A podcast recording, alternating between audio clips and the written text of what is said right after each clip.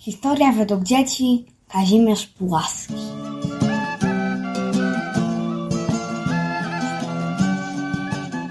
Witam Was w 86. odcinku podcastu Historia Polski dla dzieci oraz według dzieci. Jak słyszeliście przed chwilą, będziemy dzisiaj mówić o Kazimierzu Pułaskim.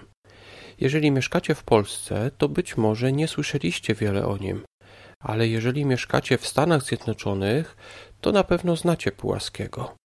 W USA w wielu stanach Polonia robi parady. W pierwszy poniedziałek marca obchodzą oni wtedy Kazimir Pulaski Day. Poza tym w całych Stanach Zjednoczonych jest obchodzony General Pulaski Memorial Day, czyli Dzień Pamięci Generała Pułaskiego. Jak to się stało, że Pułaski jest tak mało znany w Polsce, a tak dobrze jest znany w Stanach Zjednoczonych? O tym właśnie dzisiaj będziemy mówić. Ale może najpierw przedstawię Wam mojego dzisiejszego pomocnika. Pozdrowienia z Warszawy przesyła Max. Max jest z Warszawy i razem z mamą pomógł mi przygotować ten odcinek. O tym, jak to zrobili, opowiem Wam na końcu. Teraz przejdźmy do naszego dzisiejszego bohatera, czyli Kazimierza Płaskiego.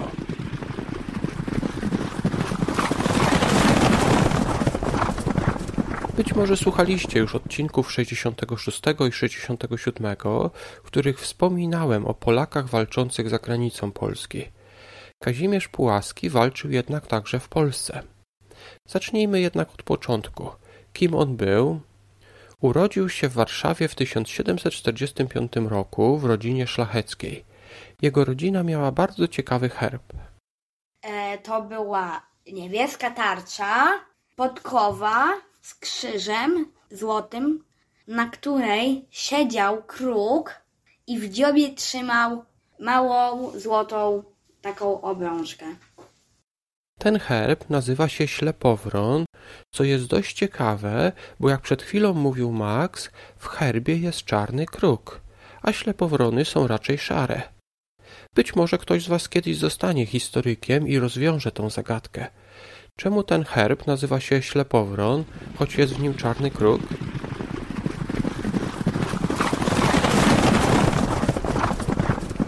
Jak mówiłem, Pułaski urodził się w 1745 roku, gdy królem Polski był August III Sas. Syn tego króla został księciem kurlandzkim. Właśnie u niego służył Kazimierz Pułaski. Jednak w 1768 roku ten książę został wyrzucony z Kurlandii przez Rosjan.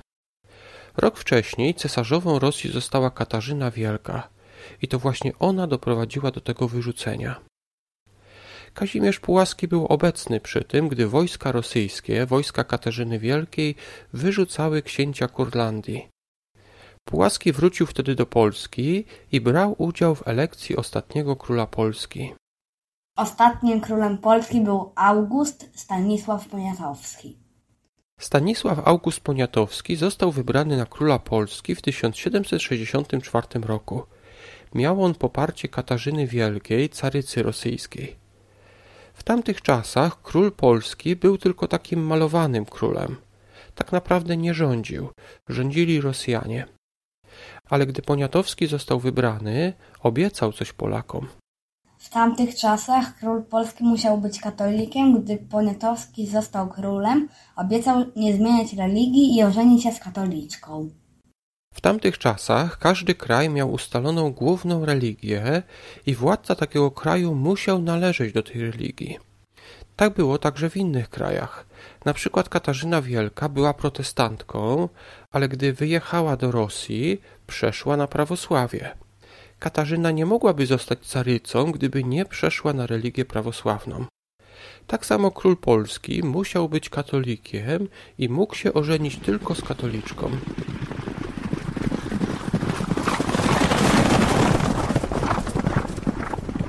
Konfederacja Barska zaczęła się w 1768 roku, cztery lata po koronacji króla Augusta Poniatowskiego i właśnie ona broniła kraju. Cztery lata po koronacji Stanisław August Poniatowski oddał Polskę Rosji. w lutym 1768 roku podpisano układ o wiecznej przyjaźni z Rosją, a także dano równouprawnienie innowiercom. Czy rozumiecie, co to znaczyło? Wieczna przyjaźń z Rosją znaczyła, że Polska nigdy nie będzie już walczyć z Rosjanami, a równouprawnienie dla innowierców znaczyło, że ludzie, którzy nie są katolikami, będą mieć takie same prawa jak katolicy. Te dwie rzeczy na pozór wydają się bardzo dobre, bo co jest złego w przyjaźni z sąsiadem? Albo co jest złego w tym, że ludzie, którzy mają inną religię, będą mieli takie same prawa? Na przykład dzisiaj w Polsce każdy może zostać prezydentem niezależnie od tego, jaką ma religię. Co więc wtedy było złego w tej przyjaźni i co wtedy było złego w tym, że dawano prawa innowiercom?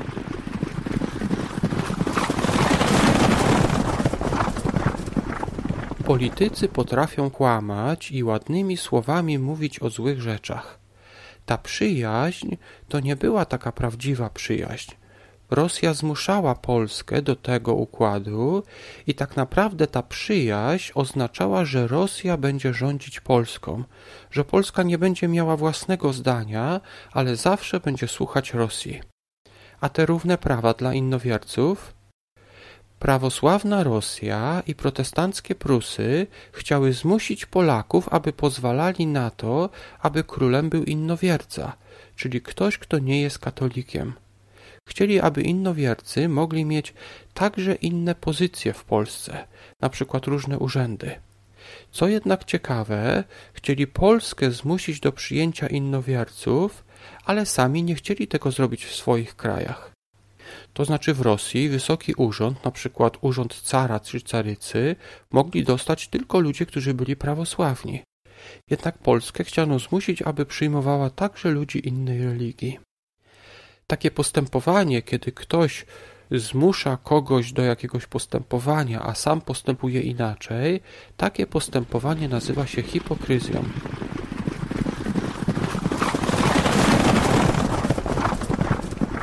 Wtedy właśnie powstała Konfederacja Barska. Ale co to było? Konfederacja Barska była taką jakby armią małą, która walczyła z, z Ruskami i po prostu broniła Polski. Konfederacja Barska to według wielu historyków to było pierwsze powstanie przeciwko Rosji. Być może słyszeliście już o innych powstaniach, jak o powstaniu styczniowym czy powstaniu listopadowym. Kto z rodziny Pułaskich walczył w tej konfederacji? E, w tej konfederacji barskiej z rodziny Pułaskich brał udział Józef Pułaski, ojciec Kazimierza, Kazimierz, jego brat Antoni i jego jeszcze jeden brat Franciszek.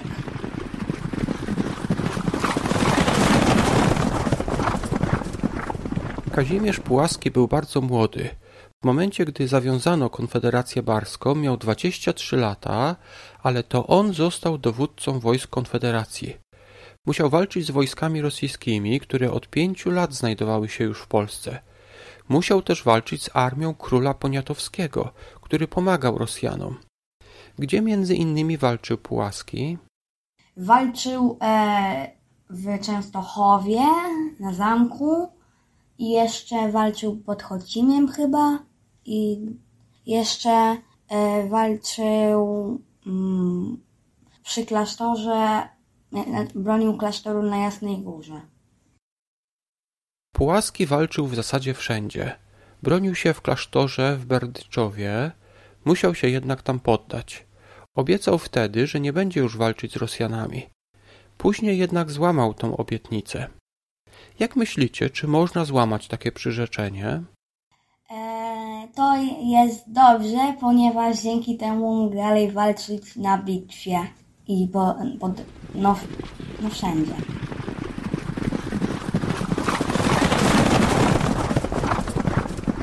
Później bronił okopów Świętej Trójcy, to jest taka twierdza, ale i stamtąd musiał później uciec. Potem, pomimo ran, przebił się na Litwę i tam organizował powstanie. Potem bronił jeszcze klasztoru na Jasnej Górze.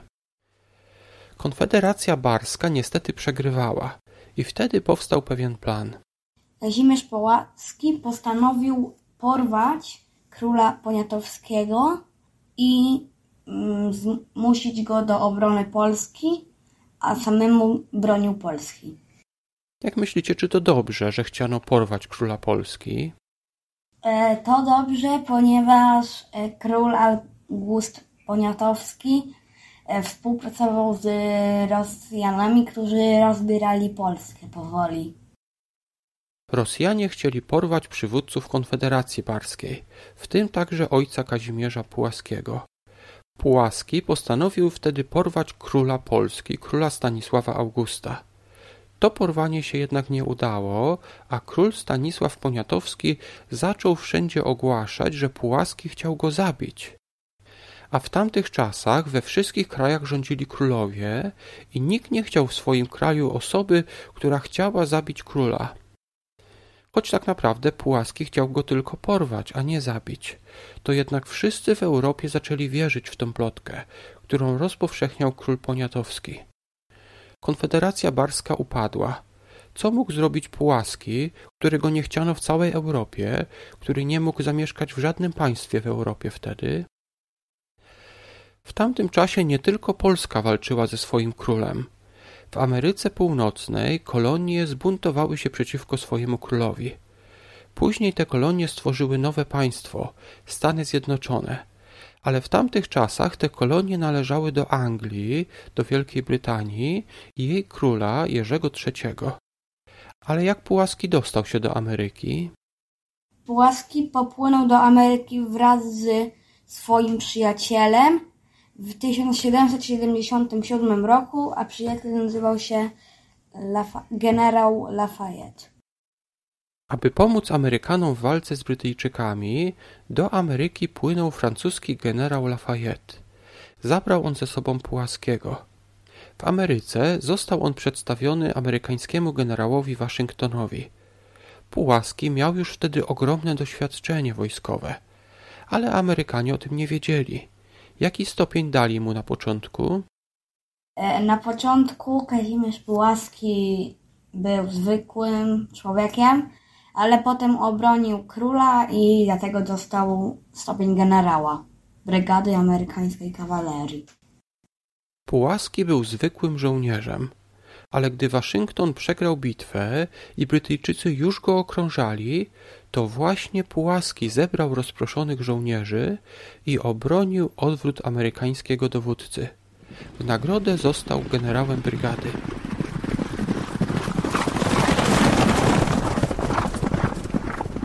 Pułaski został generałem brygady amerykańskiej kawalerii, ale wtedy jeszcze nie było tej kawalerii. Pułaski ją stworzył. Kazimierz Pułaski stworzył kawalerię i z tego powodu jest nazywany ojcem amerykańskiej kawalerii. Jego oddział nazywany Legionem Pułaskiego. Pułaski stworzył pierwszy oddział amerykańskiej kawalerii, który od jego nazwiska nazywał się Legionem Pułaskiego. Ale jakie zadania miała kawaleria, czyli żołnierze na koniach?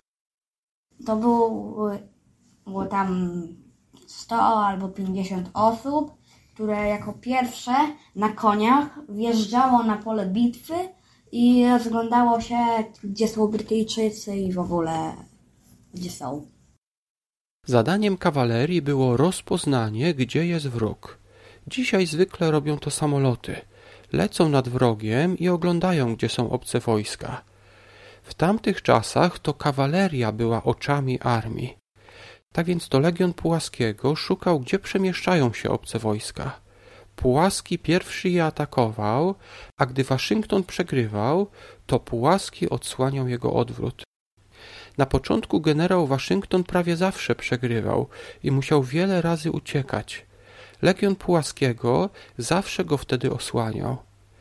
Taki oddział nazywa się tylnią strażą.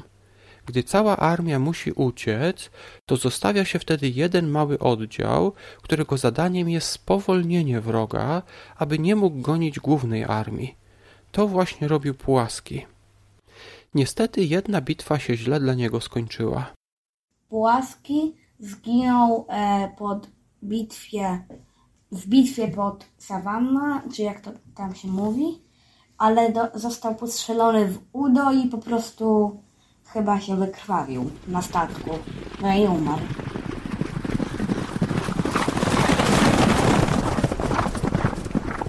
Kazimierz Pułaski walczył w Polsce i mimo, że wciąż przegrywał z większymi siłami rosyjskimi, nie poddawał się. Później musiał uciec do Ameryki i tam również walczył. Amerykanie też wciąż początkowo przegrywali. Pułaski jednak, tak jak w Polsce, walczył wciąż na nowo i nie poddawał się pomimo przegranych. Niestety umarł i nie doczekał zwycięstwa Amerykanów nad Brytyjczykami. Wygrali oni między innymi dlatego, że Pułaski wielokrotnie uratował życie generała Waszyngtona, a także jego armię. Niektórzy Amerykanie chcieli wtedy, aby Waszyngton został królem. Tak się jednak nie stało, ale to już jest inna historia.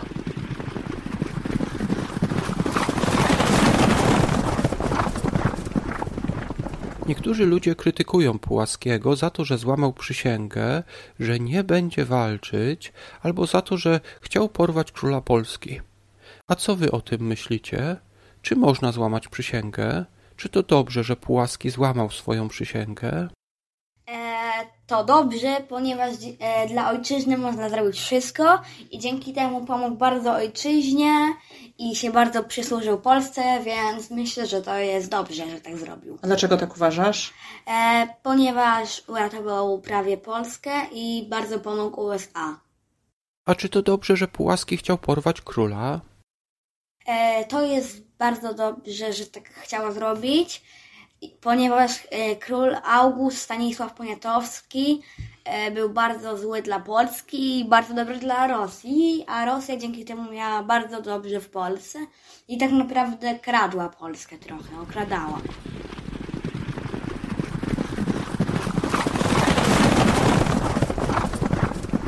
Dzisiaj w nagraniu pomagał mi Max z Warszawy. A co wy o tym myślicie? Jak wy myślicie, czy można złamać przysięgę, którą się dało wrogowi? Zapytajcie o to waszych rodziców albo nauczycieli. Możecie także napisać mi w komentarzu albo w mailu o tym, co wy myślicie na ten temat. Bardzo dziękuję Maxowi oraz jego mamie za te nagrania.